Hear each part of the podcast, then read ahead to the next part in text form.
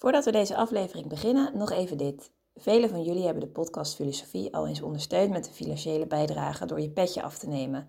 Daar zijn we super blij mee en daarmee draag je ook echt iets bij en maak je onze podcast mede mogelijk. Zo ook Boy en Jan die recentelijk hun petje af hebben genomen. Super veel dank daarvoor. En wil jij ook als trouwe luisteraar ons een steuntje in de rug geven en ervoor zorgen dat we nog lang door kunnen gaan? Kijk dan op petjeaf.com slash podcastfilosofie. Daar vind je alle info en bijdragen kan al vanaf 3 euro per maand. En het biedt ook leuke extra's op, zoals bijvoorbeeld toegang tot onze bonusafleveringen. Maar voor nu, veel plezier met deze aflevering. Het belang van mijn hele reden is verenigd in de volgende drie vragen. Wat kan ik weten? Wat moet ik doen? Waarop mag ik hopen? Het antwoord op deze vraag is volgens Immanuel Kant het antwoord op de vraag: wat is de mens? Welke antwoorden gaf Kant op deze vragen? Wat bedoelde hij met de nominale en fenomenale wereld? En welke revolutie ontketende hij in de filosofie? Over deze vragen en nog veel meer gaan we het de komende drie kwartier hebben. De gast is Donald Loose, de denker die centraal staat, Kant.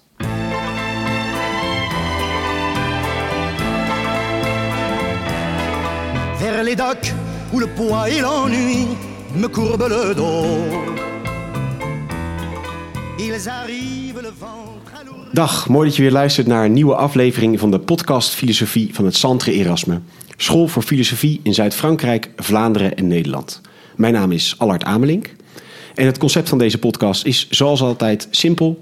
Er is een hoofdgast, een presentator en een sidekick. En in ongeveer 45 minuten duiken we in het denken van één filosoof. En vandaag tegenover mij zit Jozef Vaanders. Hallo, andermaal. Andermaal hallo inderdaad. Hey, eh, en we zitten in België vandaag. Ja, klopt. Bij, ik weet niet of ik, of ik dan ook alvast de, de hoofdgast mag presenteren. Bij maar, deze? eh, we zitten bij eh, Donald Loze in zijn eh, appartement eh, in Brussel. De man dankzij wie eh, ik ooit überhaupt iets van Kant ben gaan begrijpen. Kijk, want dat is inderdaad het, het, het thema van vandaag, Kant. Eh, tegenover onszelf, naast ons zit, eh, zit Donald Loos inderdaad. Mooi dat, dat je hier bent. Welkom in de podcast. Welkom. Dank eh, dat we bij jou thuis mogen zijn. Ehm, je studeerde filosofie en theologie in Leuven. En je werd later eh, bijzonder hoogleraar wijsbegeerte aan de Erasmus Universiteit en Tilburg University. Eh, inmiddels ben je emeritus. En ehm, je hebt veel gepubliceerd, onder andere over Kant. En zo verscheen recent nog van jou over vriendschap, de praktische filosofie van Kant. Ehm, en inderdaad, het gaat vandaag over Kant. Een man die al vaak voorbij gekomen is in de, in de podcast. Als inspiratiebron of als eh, ja, een soort sleutelfiguur in de geschiedenis. Hij werd in 1724 geboren in Koningsbergen. Als eh, zoon van een zadelmaker. En ehm, met wat hulp van buiten kon hij theologie, filosofie, wiskunde en natuurkunde studeren. En werd uiteindelijk hoogleraar in de metafysica en logica in aan de Universiteit van Koningsbergen. En stierf ook daar in Koningsbergen. En is ongeveer ook nauwelijks zijn woonplaats uit geweest. En tegelijkertijd dus een van de grootste filosofen eh, uit de geschiedenis. Een, een, een monumentaal man. Wat maakt Immanuel Kant zo'n eh, grote filosoof? Ja, ehm, maar ik denk dat iedereen al wel ooit heeft gehoord over wat dan in de geschiedenis van de filosofie de Copernicaanse revolutie wordt genoemd in het denken. Ehm, en dat betekent dat eh, met Kant eigenlijk zowel de epistemologie, de kennenleer, de wetenschap, als de ethiek gewoon kantelt wat het uitgangspunt, het centrum van het denken betreft. Voor Kant ging men eigenlijk eh, uit van het object, de uitwendige wereld. En die was zogenaamd normatief voor wat dan een ware uitspraak over die werkelijkheid was. Of in de ethiek ging men uit van het feit dat er normen, waarden, het goede, het geval waren, en dat wij ons dus als subjecten daarop moesten afstemmen. En Kant keert dat gewoon om. Ehm, niet zomaar o- om eens een keer wat nieuws te verzinnen in de filosofie, maar omdat hij ervan overtuigd is dat dat hele systeem eigenlijk op de helling is komen te staan, omdat ehm, het niet zo duidelijk is hoe wij eigenlijk in staat zouden zijn de objectiviteit van die werkelijkheid ooit te kunnen vatten. Of wij daar niet het slachtoffer zijn van allerlei voorstellingen die wij verzinnen, wat kan zo noemen dogmatische opvattingen over de werkelijkheid, die dus de kritische toets eh, van onze eh, denken niet kunnen doorstaan. En of we in het ons richten op het goede, wanneer je dus naar de praktische filosofie kijkt, ons niet gewoon iets wijs maken dat wij dingen goed verklaren die het misschien helemaal niet zijn. En die alleen maar voor ons interessant of belangrijk of bevredigend of leuk zijn. Dus zegt Kant, als ik een criterium wil hebben om echt te weten of ik met de werkelijkheid bezig ben en of ik moreel handel, of ik het goede doe, dan moet ik het eh, anders aanpakken. Ik moet het criterium elders zoeken. En waar moet ik het zoeken? Ik moet het zoeken in de noodzakelijke denkcondities van de subjectiviteit, waarbij die kritisch voor zichzelf de dogmatiek, hm, de valse voorstellingen, onderuit kan halen, maar tezelfde tijd ook niet alles op de helling zet en in een soort scepticisme terechtkomt, waarbij er niets meer geldig is.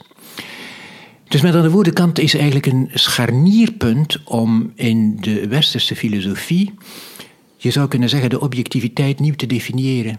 Voortaan is objectief datgene wat als universeel subjectief gedacht kan worden. Zou je daar, eh, eh, heel interessant, eh, Copernica, uh, Copernicaanse revolutie na, dus echt net een soort complete omdraai van het wereldbeeld. Ja. Zou je nog iets over dat oude wereldbeeld kunnen zeggen? Dat, je zegt eigenlijk op het gebied van ethiek zijn dat dus ja, gewoon uh, eigenlijk de omgangsnormen zoals die ons zijn aangereikt van vorige generaties. Dus zo hoort het. En op denkgebied dogma's over religie en over de wereld? Of wat moet ja. me daarbij voorstellen? Jazeker. Uh, uh, dus allerlei voorstellingen die blijkbaar niet houdbaar zijn. En dat heeft natuurlijk ook te maken met het feit dat er uh, ten tijde van de moderniteit, dus waarvan Kant eigenlijk de, de, de, de, uitloper in zekere zin is, maar ook de grondlegger van wat voortaan een, een, een houdbare moderniteit zou kunnen zijn. je moet je voorstellen dat dus eigenlijk het hele klassieke wereldbeeld uh, onderuit is gehaald door de Newtoniaanse fysica.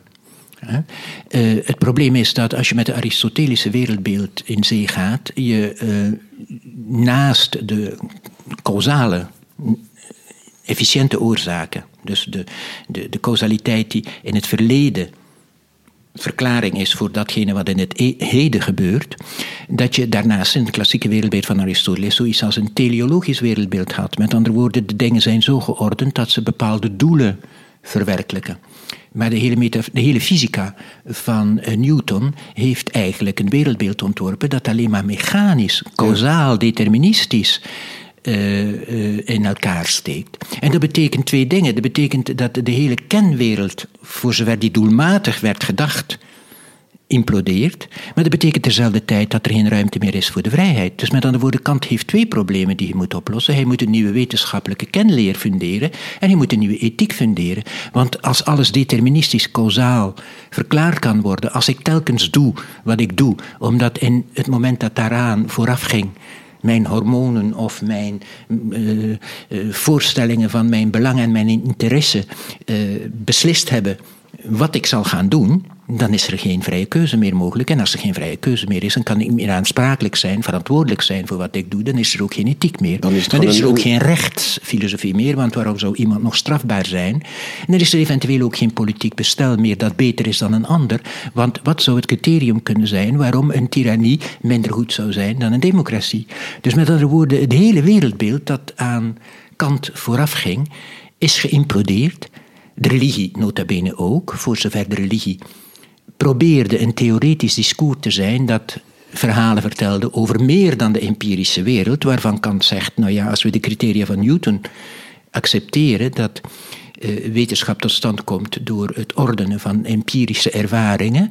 Uh, van veel elementen uit religie heb ik geen enkele empirische ervaring, dus we maken onszelf maar wat wijs. Dus alle elementen moesten eigenlijk herdacht worden volgens Kant. En dat is wat hij probeert te doen. In de kritiek de reine vernoemt de wetenschap. In de kritiek de praktische vernoemt de ethiek. En in de kritiek der oertaskracht alles wat dan als gevolg van die twee kritieken samen gedacht moet worden, namelijk determinisme en vrijheid. En dat is voor Kant de geschiedenis, dat is het recht, dat is de politieke filosofie, dat is de legioen. En er is zelfs een esthetica. Die moet opnieuw gedacht worden. Want het esthetische is niet zonder meer iets wat in dienst staat van het religieuze of van het moreel goede, zoals het in de middeleeuwen nog gedacht werd. Het esthetische wordt een wereld op zich, autonoom, zelfstandig, een eigen dimensie van het menselijk bestaan. En dat is het grote van Kant, dat hij eigenlijk als filosoof in, in een totale crisis van de westerse cultuur en van het westerse denken, op al die terreinen een nieuw fundament heeft weten te leggen, dat ook nog eens een keer een systeem uitmaakt. Dus met andere woorden, Een geheel. een geheel dat systematisch in elkaar zit en waar hij met dezelfde basisbegrippen voortdurend in diverse regionen van de werkelijkheid kan verhelderen waar het over gaat. En dat systeem is in principe gebaseerd op twee beginselen. Dat er enerzijds de fenomenale, verschijnende, empirische, dus ook wetenschappelijk verifieerbare orde van de dingen is, waarvan Kant zegt dat is het geval. En dan moeten we vooral funderen nu dat dat inderdaad houdt, dat dat ergens op slaat. Dus met andere woorden dat de wetenschap waarheid kan vinden. En dat heeft dan volgens Kant te maken met het feit dat hij een soort, eh, een moeilijke term, transcendentale deductie van de mogelijkheidsvoorwaarden zal ontwerpen, op grond waarvan wij kunnen beweren dat wat wij als waar definiëren gefundeerd kan zijn. Met een transcendentale deductie bedoelt hij dus in zekere zin dat hij uitgaat van het feit er is al wetenschap. Hm? Hij, hij moet natuurlijk ook tegenover Hume hm, op een of andere manier argumenteren dat de positie van Hume niet houdbaar is. Dat het dus niet zo kan zijn dat de wetenschap zou gebaseerd zijn op ervaringen die we altijd al hebben gehad en dat we geen kennis zouden hebben van datgene wat we nog niet de facto hebben ervaren. Er moet meer zijn dan alleen maar de optelsom van wat ik heb gezien. Dat is dat beroemde voorbeeld van Jung van die biljartballen. Ja. Hè, waaraan die, die, Ja. die stelling ontleent. Ja. Dat je eigenlijk nooit, hoe vaak je ook de ene bal tegen de ander ziet ketsen, dat je eigenlijk daar nooit de conclusie aan kan ontlenen Ja. dat die een daadwerkelijk de beweging van de ander Ja, veroorzaakt heeft. met andere woorden, je gelooft het, zegt eh, Hume, Ja. dat dat zo zou zijn. hè. Het is ook verstandig van dat te doen, hè, want anders val je uit de boot. Maar je de- ziet de causaliteit niet. Je ziet alleen de hele tijd hetzelfde gebeuren. Ja, en dat is uiteindelijk wat Kant zal overnemen. Het is heel goed dat u dat zo zegt. Je ziet de causaliteit niet. Kant zal zeggen, nee, maar de causaliteit kunt u niet zien. De causaliteit ontleent u aan wat u ziet. Er moet causaliteit in het geding zijn. Hm? Maar u kunt de causaliteit zelf niet zien. Net zo min als u de identiteit kunt zien. Ik kan u tien keer eh, een kopje laten zien en zeggen: Dit kopje is hetzelfde kopje van het kopje wat u daarnet hebt gezien. Ik kan u nooit bewijzen dat u ziet dat dit hetzelfde kopje is. U begrijpt het. Ja. Hm? Je begrijpt het, zegt Kant. Waarom? Omdat u een a priori categorie in uw denken hebt. Identiteit, causaliteit, noodzakelijkheid, toevalligheid. En dus dat hele bestel van de categorieën van het verstand zijn voor Kant in zekere zin de a priori mogelijkheidsvoorwaarden om wetmatigheid te funderen. Hm? Want als wij met die categorieën naar de werkelijkheid kijken, dan betekent dat dat die categorieën altijd in het geding zijn. Hm? Ook in de ervaringen die we straks in de toekomst of eldere andere culturen ook zullen hebben. Hm? Altijd denken wij op die manier. Ja, omdat ze onze mogelijkheidsvoorwaarden zijn. Ja. Dus dat wij ze als het ware toevoegen aan de Wat ruwe ervaring hè, die, die, Of- die binnenkomt. Toevoegen of eh, eh, Structureren. inzien dat wij alleen maar kunnen zien wat we zien als we die mogelijkheidsvoorwaarden erbij denken. Dus met andere woorden, Kant zegt, ik vind niets uit. Hij vindt niets uit in zijn ethiek, hij vindt niets uit in zijn wetenschap. Alles is er al. Blijkbaar zijn er fysische wetten. Als u het vliegtuig neemt, gaat u ervan uit dat in normale omstandigheden, voldoende bijgetankt, de weersomstandigheden zijn oké, dat u de lucht in gaat. Waarom doen we dat? Waarom geloven we niet alleen, maar waarom weten we dat de dingen zo werken? Omdat wij in de ervaring, causaliteit, identiteit, noodzakelijkheid, mogelijkheid enzovoort, kwaliteit, kwantiteit, eh, voortdurend daarin mee begrijpen. Ook al zien we die categorieën niet. En zijn, En dat, is die, het- zijn dat die twee onderscheiden tussen dat fenomenale en die categorieën? Juist. Zijn dat de twee? Nee, nee. Ja, wel, eh, dan zal, zal Kant ook zeggen, dan moet je dus wel eh, inderdaad eh, voor lief nemen dat de wereld zoals u die dan kent, inderdaad de wereld is die beantwoordt aan die categorieën toegepast op de ervaring, de anschauung. Wij mensen kunnen alleen maar de objectiviteit van onze wereld zo begrijpen. Met andere woorden, wij begrijpen dat wij van de wereld datgene begrijpen wat binnen de categorieën van ons verstand gevat kan worden. Wat daar buiten valt, daar hebben we geen kennis van. Met andere woorden, dat ding aan zich kennen we niet. Hoe de dingen aan zich zijn.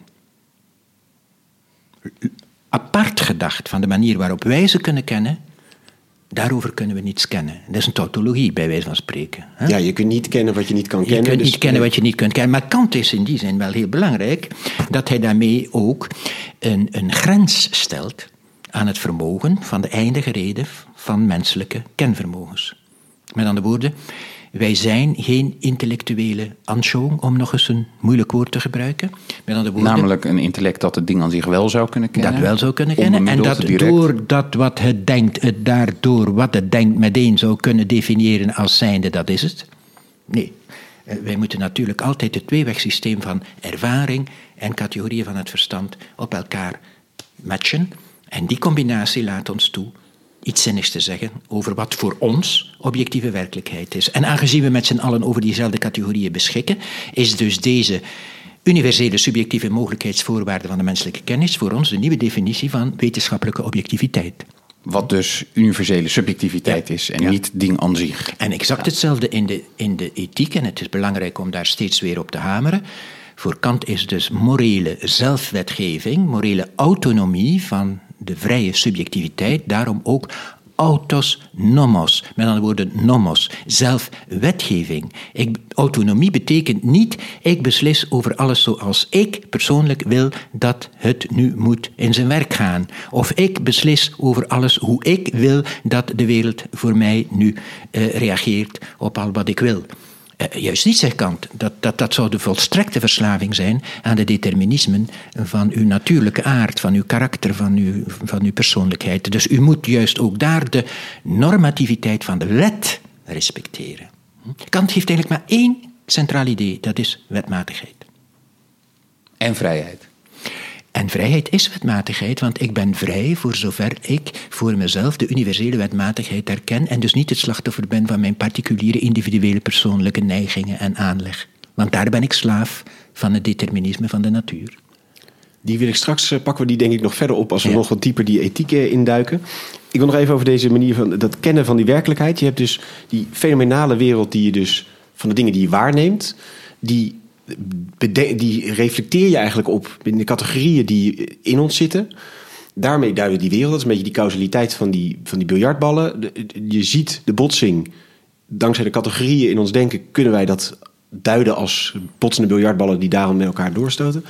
En toen zei je, en er zijn dingen die buiten ons kennen liggen, die we dus niet kunnen kennen. Wat zou daar een voorbeeld van zijn? Of hoe gaat die gedachte trend? Het is sowieso de vrijheid, aangezien de vrijheid niet causaal deterministisch kan zijn, want dat is de, de contradictie van vrijheid. Dus met andere woorden, Kant zegt, ik moest eerst grenzen stellen aan de kennis. Hè? Om uiteindelijk mijn project waar het mij uiteindelijk om gaat, namelijk in het wereldbeeld van Newton de menselijke vrijheid en verantwoordelijkheid redden. Maar hij zegt dus eigenlijk, de vrijheid is typisch een voorbeeld van een ding wat je niet in zichzelf kan kennen. Wat je niet, de vrijheid is om te beginnen niet empirisch te kennen. Je kunt nooit van iemand zeggen dat hij vrij heeft gehandeld. Nee. En iemand kan van zichzelf nooit beweren: ik ben nu 100% zeker dat ik dit puur heb gedaan uit respect voor het categorisch imperatief, voor de algemene universele verplichting van de autonomie van de zelfwetgeving. Eh, altijd kunnen daar particuliere motieven hebben in meegespeeld. Maar dat is ook het probleem niet, zegt Kant. Moraliteit wordt ook niet afgerekend op kennis van uzelf. Moraliteit wordt afgerekend op uw wilsbepaling. Hebt u willen vrij willen. Met andere woorden, hebt u zo willen willen dat u had kunnen willen dat iedereen dit zou moeten willen in deze omstandigheden. En dat betekent niet dat u dan moet willen dat ieder ander hetzelfde zou doen. Dat moet hij of zij dan weer voor zichzelf uitmaken. Maar u moet wel formeel altijd voor uzelf zo denken. Dus is er ook een groot probleem met de filosofie van Kant dat ze meestal veel te empirisch, te dogmatisch, te inhoudelijk, te fenomenaal wordt vertaald. De filosofie van Kant is puur formeel denken van mogelijkheidsvoorwaarden. Wat daar de consequenties van zijn, dat is ieder voor zich. Eh, Donald, je had het over de twee werelden. Die fenomenale wereld die is, is wel, mij wel helder nu, eh, waar ook die categorieën een rol in spelen. Maar er was nog een, een andere wereld. Hoe moeten we die zien?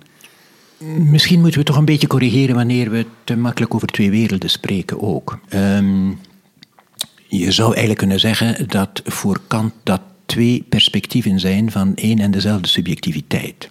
Hm?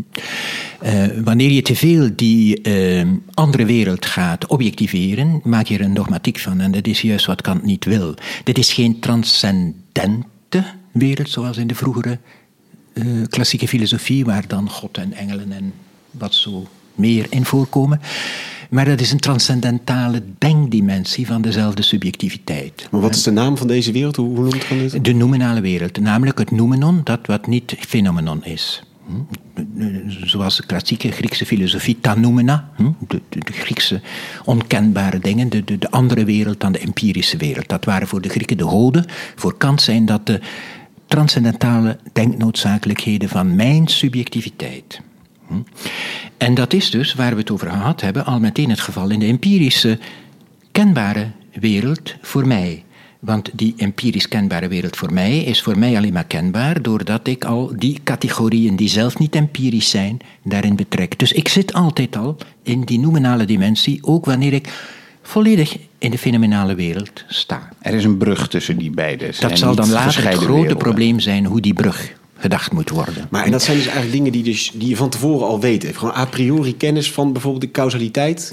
Die, die moet ik veronderstellen als a priori daar zijn, aangezien ik ken wat ik kan kennen en ik zou niet kunnen kennen wat ik kan kennen, namelijk fysische wetten. Als ik die categorieën niet zou hebben, dan zou Hume gelijk hebben. Dan zou ik alleen maar geloven dat de zon morgen opkomt. Een kans zit, ik weet het.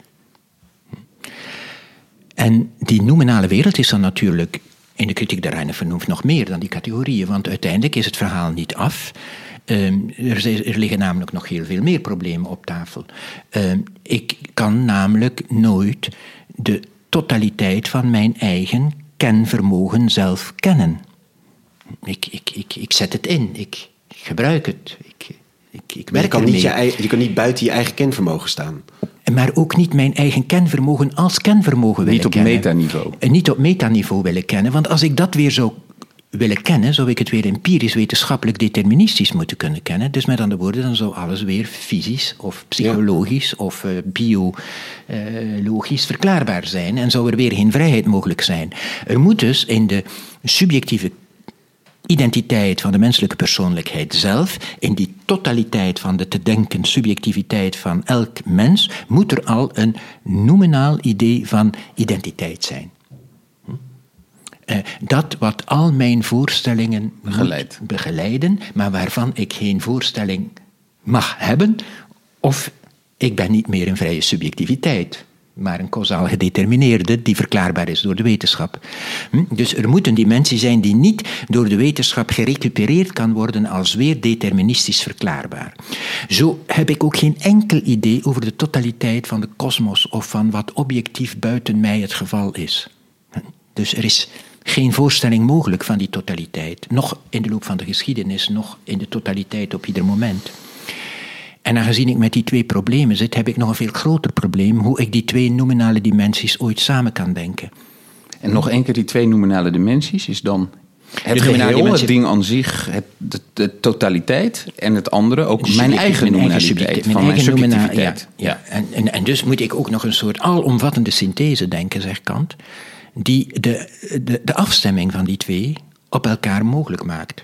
Dus ik moet een soort archetypisch intellect denken dat in zekere zin garant staat voor het feit dat ik met mijn categorieën van mijn verstand inderdaad betrokken ben op een objectieve wereld. En dat Ja, want, kan ik nooit willen empirisch wetenschappelijk verklaren. Want dat is nou dus het ding, er is een, een zeg maar, hè, om het op de klassieke manier te zeggen, nou, er is een soort ideeënwereld die buiten van de grote concepten, die is alleen onkenbaar, zegt Kant, want Ja. die bevat zich, valt buiten ons eh, denkbeeld. We hebben tegelijkertijd categorieën in ons die de werkelijkheid ordenen, die daar een soort wel daarmee in sync zijn of iets daarvan eh, overdragen. Maar hoe kun je nou weten Naat, dat die twee dingen daadwerkelijk aan elkaar gelinkt zijn, die twee nominale werelden? Dat is eigenlijk zijn vraag dan. Dat is zijn vraag. En Kant zegt dat dat kan ik wetenschappelijk niet verklaren. Dus nou echt, dat is echt het, het, waar de filosofie over gaat, zegt Kant. Dat is namelijk dat wat de wetenschap overstijgt en wat alleen maar eh, probeert de denknoodzakelijkheden van dat wat klaarblijkelijk het geval is, namelijk wetenschap. En klaarblijkelijk de verplichting die mensen hebben dat ze vrij kunnen handelen. Want iedereen ziet zijn leven zo, alsof de beslissingen die hij neemt ook te maken hebben met dat wat hij of zij zelf heeft gewild. Als ik dat wil begrijpen, moet ik dus drie ideeën poneren die wetenschappelijk nooit bewezen kunnen worden. Maar die de filosofie natuurlijk op haar manier moet op tafel leggen en zeggen: zo moet je dus jezelf denken, wil je kunnen begrijpen wie je klaarblijkelijk de facto bent. Ik doe eigenlijk niets anders, zegt Kant dan, verklaren wat het geval is. En vandaar de drie grote vragen. Hè? Wat is een mens, zegt Kant? Wel, een mens is klaarblijkelijk een wezen dat zich de vraag stelt: wat kan ik kennen? Tweede grote vraag: wat moet ik dan doen? Eh, In, in de zin van, wat zal ik? Waar, waar, ben ik toe verplicht? Niet waar ben ik causaal deterministisch toe gedwongen? Niet wat moest ik, maar wat zal ik doen? In vrijheid. In vrijheid doen. En de derde grote vraag is, ja, maar hoe rijm ik die twee samen? En nu komen we tot de crux van het Kantiaanse systeem. Hoe verbinden we de kritiek der reine vernunft met de kritiek der praktische vernunft? Hoe verbinden we het determinisme van de natuurwetten van Newton met het besef dat we vrij moeten kunnen zijn? Willen we nog überhaupt moreel verantwoordelijk kunnen zijn? Willen we nog een rechtssysteem overeind houden? Een democratie bewijzen als beter dan een tirannie?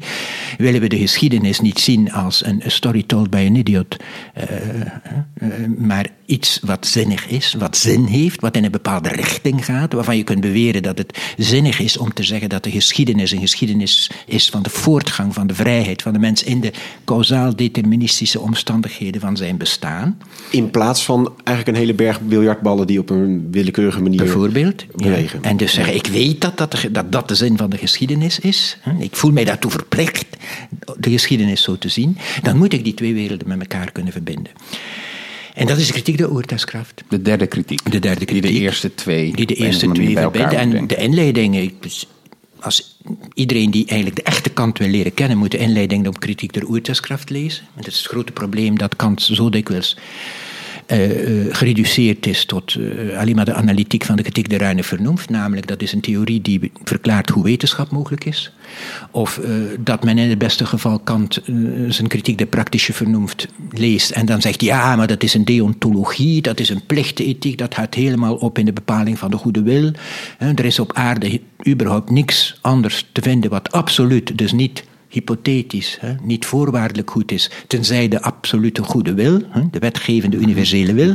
Ja, kijk waar dat toe leidt. Hè. Alles wordt dan intentie en er is geen enkele verantwoordelijkheidsmoraal, geen enkel eh, zicht op de vraag wat dan de consequenties zijn wanneer mensen zo handelen. Eh, dat is een, een, een heel eh, verabsoluteerde manier van denken, die eigenlijk zich afzegt tegen de premoderniteit en daarom alle problemen van de premoderniteit gewoon heeft geschrapt. Kant heeft alles vermalen, zegt Mendelssohn, van wat in de klassieke filosofie... Alles zermalen. Alles zermalen. Maar dan heb je dus Kant niet helemaal gelezen. Dan Nee, want dat, eh, het beslissende voor die derde kritiek wordt dus echt de vraag: hoe kan ik die vrijheid en die moraal, die toch vooral hè, in die nominale eh, orde eh, in eerste instantie eh, überhaupt gedacht kan worden, hoe kan ik die ook verwerkelijken Ja. in de fenomenale wereld, Ja. in de wereld van de natuur, Ja. in hè, onze ook fysieke wereld? Dat, dat wordt dan de vraag. Hoe Dat blijft wordt- dat niet ergens een, een gedachte-experiment waarmee ik niks kan? Uh, Ja. Maar hoe kan ik daarmee daadwerkelijk in de natuur Ja. handelen? Ook moreel handelen? Ja. En dus zegt. Kant, ook in die inleiding van de kritiek de oortuigskracht, als je een brug wil bouwen tussen die diepe kloof, tussen die twee kritieken, eh, dan kan, die, het kan het bruggenhoofd van waaruit je de brug ontwerpt alleen maar eh, gesitueerd worden in de kritiek der praktische vernunft, in de vrijheid. Hè? Want als je vanuit het determinisme werkt, dan zal alles in het determinisme Ja, blijven hangen, worden. ja. Ja. Dus je moet vanuit de kritiek der praktische vernunft oversteken naar de kritiek der reine vernunft. Naar de wetenschap, naar de empirie, naar de fenomenale wereld van de kennis en van wat je kunt zien. En dus doet Kant twee dingen in zijn oertuigskracht. Het hele eerste deel is een soort esthetica. En dat is voor Kant natuurlijk alleen maar interessant wanneer het een esthetica van de natuur is. Want hij moet de verbinding van de vrijheid met de natuur maken. Dus het gaat dan niet om de esthetica van een kunstenaar die in vrijheid een kunstwerk maakt. Hoewel, voetnoot, wat Kant over de esthetica van de natuur zegt, zeer relevant is voor de kunst aan zich. Je zou kunnen zeggen dat Kant de grondlegger is van de analyse van abstracte kunst. Want Kant zegt, kunst gaat niet over wat u ziet, gaat niet over het plaatje, over de inhoud, gaat niet over het thema, maar kunst gaat over de formele perceptie van uw waarnemingsvermogen, dat nu in de kunstervaring op een andere manier functioneert dan in de wetenschappelijke ervaring. Wanneer ik in de wetenschappelijke ervaring in een bos ga wandelen en ik zie de herfstblaren verkleuren, dan kan ik de uh, fotosynthese van wat daar gaande is. Uh, uh, wetenschappelijk, deterministisch uitleggen, waardoor die herfstblaren dan inderdaad een andere kleur krijgen. Dus ben ik wetenschappelijk bezig. Ik kan zeggen, in de esthetiek is het juist een totaal ander iets. Dan ga ik namelijk niet mij afvragen of deze kenniscategorie of dit begrip van de wetenschappelijke doctrine nu op deze ervaring van toepassing is. Ik vraag mij niet af of het stimmt, of het klopt, maar ik ben in een bepaalde stimmung. Ik ben in een bepaalde sfeer. Overigens in de ethiek gaat het over mijn morele bestimmung. Kant alludeert voortdurend op stimmen, bestimmen, stimmung. En in de esthetiek ben ik in een soort stimmung, in een soort moed, waarbij ik geniet van de vrijheid van de applicatie van mijn categorieën op de Anschauung en dat in de verbeelding laat vrij wentelen. En ik geniet van dat spel van mijn kenvermogens. Dus het stupiedste wat gidsen in een kathedraal kunnen doen, is u uitleggen hoe hoog de zuilen zijn, hoe, hoe, hoe, hoe breed de diameter van de zuilen is, hoe hoog het plafond is. Uh, dat is kennis, dat is wetenschap. Daarmee maakt u het onmogelijk om esthetisch te genieten van wat u ziet. Maar, maar wat, zijn, sorry, wat zijn die categorieën om dat genieten dan? Want wat, wat, wat, voor type nominale categorieën zitten dan in mij die, die dat kunnen genieten van een bospad, zeg maar? En nou, de kwaliteit om te beginnen. Hm? de kwantiteit, zegt Kant, want ook in de esthetiek zult u, maar nu op een andere manier, iets van de universaliseerbaarheid van wat u meemaakt in uw achterhoofd cultiveren. U zult, als u een esthetisch smaakoordeel formuleert, niet akkoord gaan met het feit dat u zegt, kijk nou, hoe prachtig. Iemand waarmee u aan het wandelen bent zou zeggen, wees voor onzin, daar zeg je maar niks voor. In een esthetisch smaakoordeel zoekt u naar een zekere vorm van herkenning van gedeelde esthetische ervaring. U kunt, als u iets echt esthetisch mooi en waardevol vindt, kunt u niet aanvaarden dat iemand dan zou zeggen: het is helemaal niks. Dus eigenlijk is het niet. Uh, smaak is, is uh, relatief of smaak is subjectief. Dat is eigenlijk dus. Er zit, zit, zit iets niet subjectiefs. Er zit weer iets niet subjectiefs in, maar natuurlijk niet in die stringente wijze van de wetenschap. Nee, nee. Je, kunt er, je, je kunt er niet over argumenteren met sluitende argumenten en besluiten in een syllogisme, dit moet dus mooi zijn, want dit is de algemene wet, dit is wat mooi is, eh, dit is uh, een geval dat daaronder valt, dit, dit is iets moois. Nee, ze kan, in de esthetiek is het juist omgekeerd. Je wordt geconfronteerd met een reëel ervaringsgegeven waarvan je de wet niet kent. Eh, er is geen wet die zegt. Een esthetisch smaakoordeel is altijd een smaakoordeel ten aanzien van dit concrete iets. En dus word je altijd geconfronteerd met iets wat je overvalt als dit is mooi. En je zult dus een zeker gevoel hebben van algemeen geldigheid wanneer je het esthetisch mooi noemt. Dat is iets anders, dan wanneer u zegt, nou ik hou van sherry en als u porto liever hebt, neem dan een porto.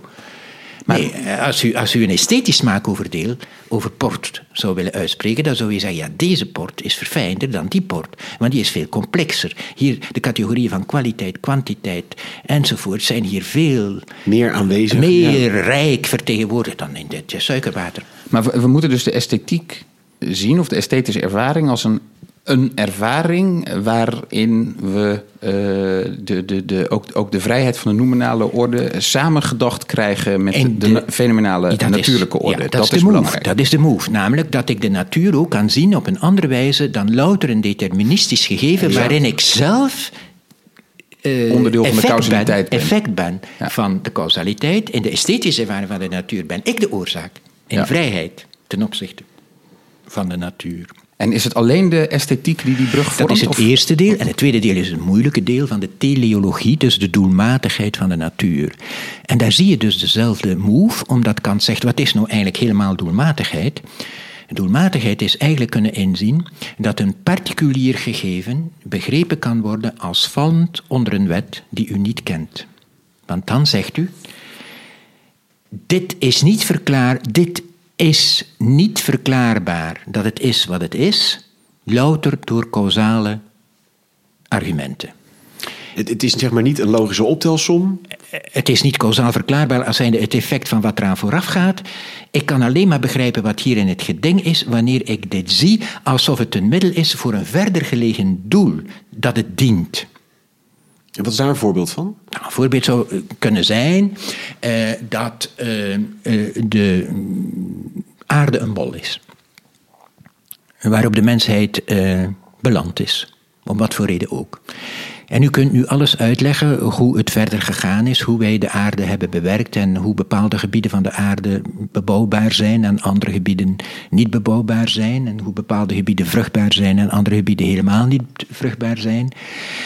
En Kant zegt, maar het is eigenlijk causaal deterministisch niet zo goed te begrijpen dat wij nu eigenlijk in die situatie beland zijn. Nee. Wat we hier überhaupt doen. Wat, wat doen we hier überhaupt? En waar dient dit alles toe? En waarom is dat eigenlijk zo dat gigantische waterpartijen, eh, bebouwde territoria en eh, culturen van West en Oost scheiden, waardoor het zo moeilijk is om elkaar te bereiken en... eh, ik zeggen, ja, dat kun je bijna niets anders begrijpen dan dat het eigenlijk op een of andere manier de mensheid daar is om dat te ontwikkelen.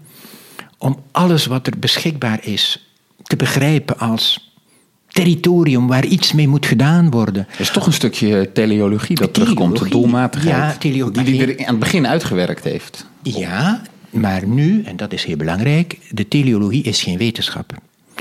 U kunt dus niet zeggen dat dit een wetenschappelijke verklaring is van de positie van de mens in de natuurlijke omstandigheden van zijn bestaan.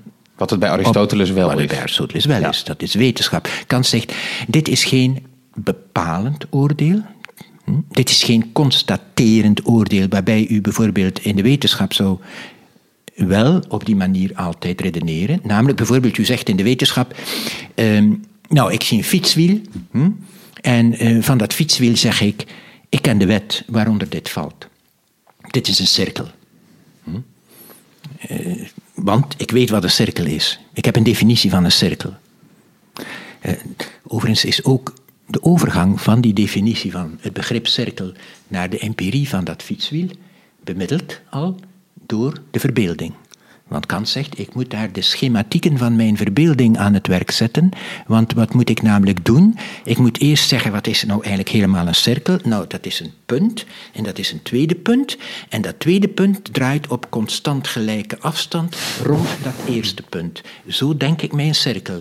En dat zie ik nu ook in dat fietswiel. Want zo begrijp ik dat dat fietswiel een cirkel En is is. dat ook zo'n inwerking van die nominale categorie? Die categorie hoofd? Ja. werkt via de schematiek van de verbeelding op de empirie.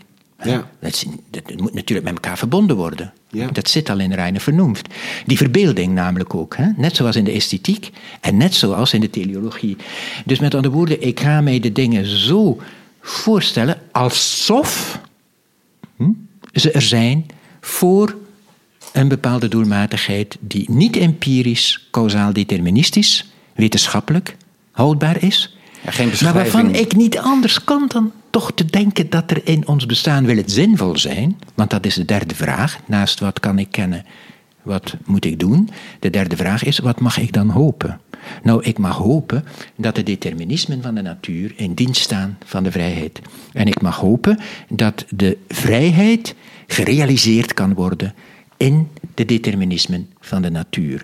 En Kant zal dus zeggen, het is alsof de natuur, wij denken het ons dan zo, alsof de natuur, daar waar wij niet in vrijheid hebben beslist wat wij moreel moeten, ons mechanisch dwingt. Hm?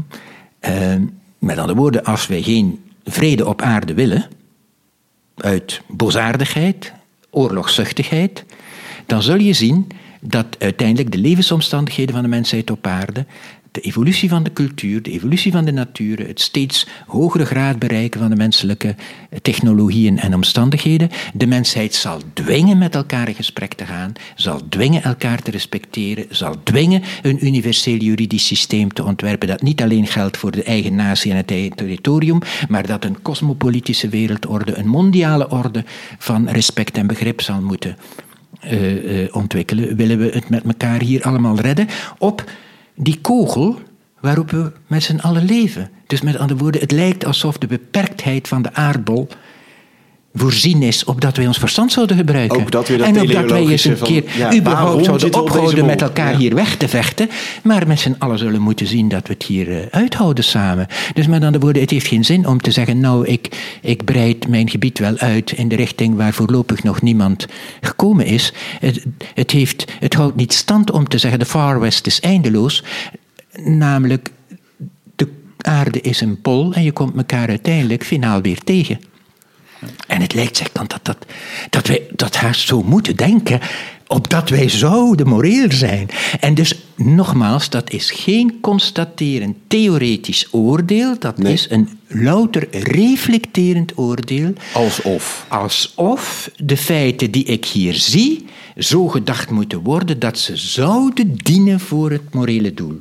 Maar ik kan niet anders dan zo te leven als ik in de wereld hoop wil hebben, perspectief wil hebben, zin wil zien. Met andere woorden, zin zowel in de richting van betekenis, dat dit geen story told by an idiot is, maar ook zin in de richting van richting. In de zin van richting.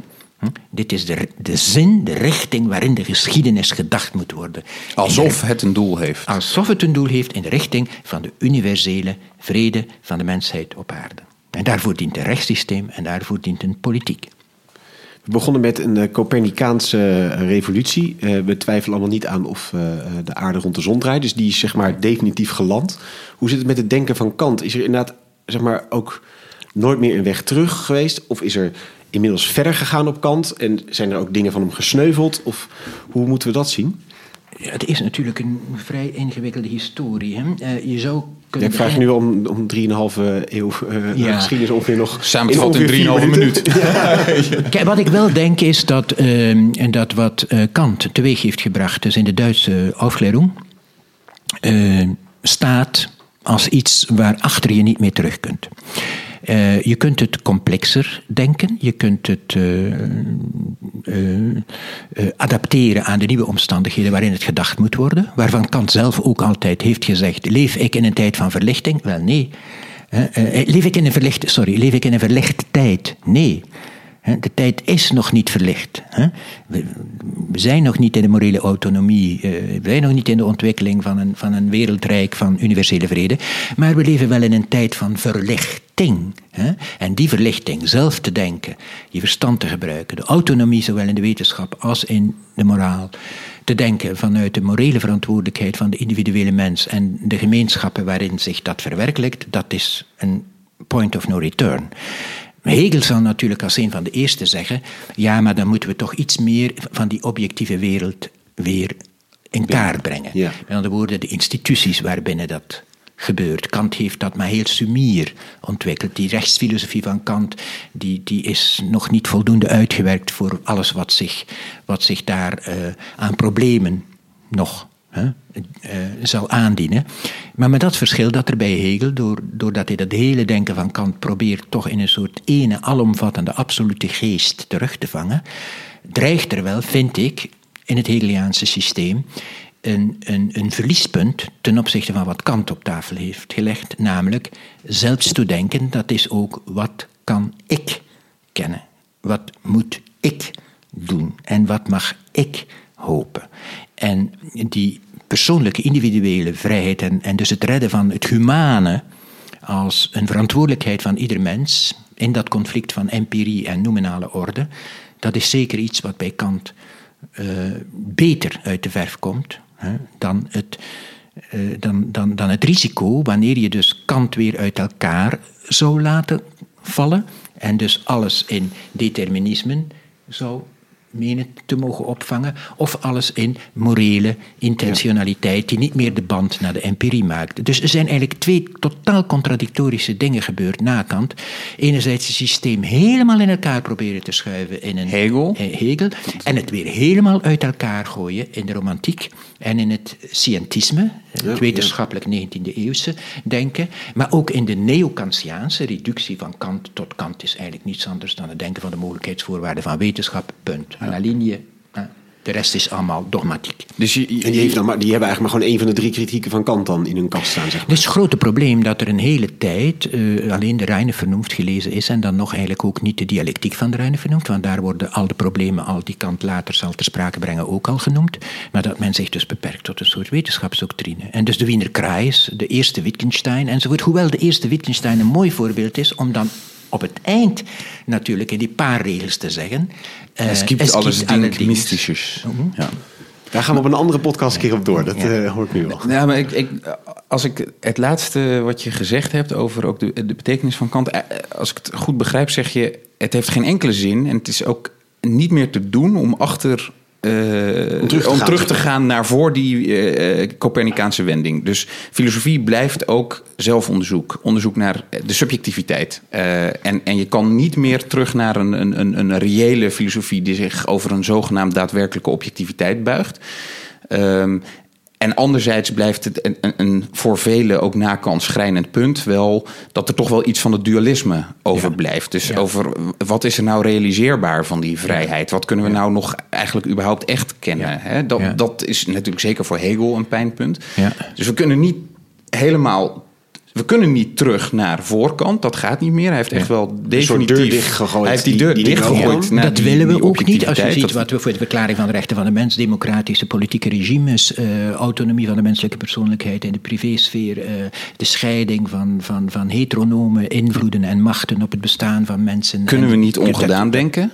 Maar we blijven ook wel een beetje met een, een, een, een, een, een tragisch slot achter. Zeker, hè? zeker. Namelijk, we kunnen.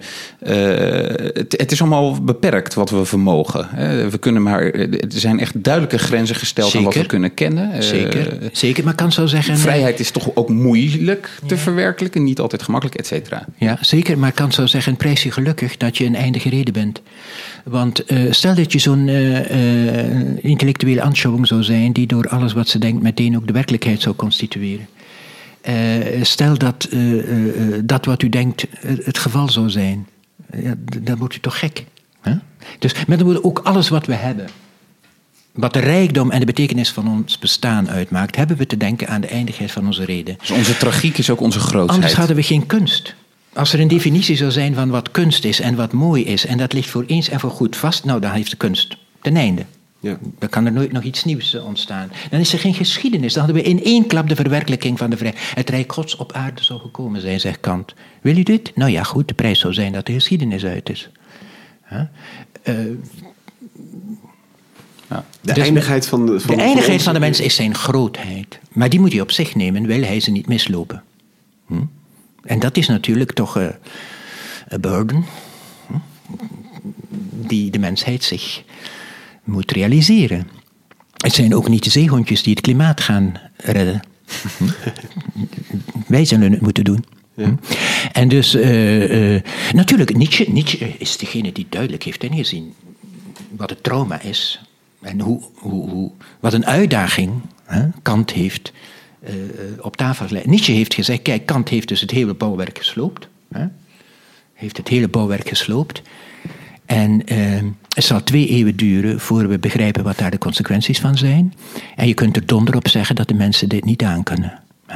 En als u, als u dus, als u eh, het, het, het beroemde Linzer Heide eh, fragment uit de Nachlas van Nietzsche over het Europese nihilisme, als u dat leest, dan ziet u dat Nietzsche daar gewoon systematisch de drie kritieken afgaat Van Kant. van Kant. Dat hij zegt, er is geen absolute normativiteit gegarandeerd dat wie het goede doet, het goede ook zal bereiken. En dat er een garantie is voor het feit dat de morele wet eh, gegarandeerd leidt tot iets. eh, vervolgens leidt dat tot het feit dat we zeggen: ja, maar de hele wetenschappelijke eh, illusies die we hebben gehad, eh, dat was eigenlijk ook maar een troostprijs om mensen nu vervolgens daarmee nog een beetje op orde te houden en binnen, binnen een soort dwangmatig systeem van dit is waar je aan moet houden. Maar niemand gelooft het nog. En dus is er ook geen zin van de geschiedenis meer. Hè? Zal Kant zeggen. En, en zal Nietzsche zeggen, sorry.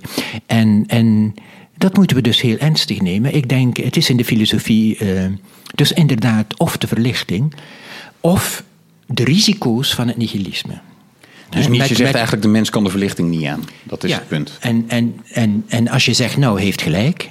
En dus het populisme is uh, de werkelijkheid. En uh, de identiteitsfilosofie, waarbij iedereen zichzelf begrijpt als de identiteit die hij meent zichzelf te moeten kennen wanneer hij het luidste schreeuwt dat dat zijn identiteit is, die moet gerespecteerd worden. Nou, dan zou kan zeggen, hebt u niet begrepen wat een menselijk subject is? Hebt u niet begrepen dat identiteit een fenomenale particulariteit onder de wetmatigheid van iets universaliseerbaars is? en, en dus al die problemen... En terug in kant. Ja, ja.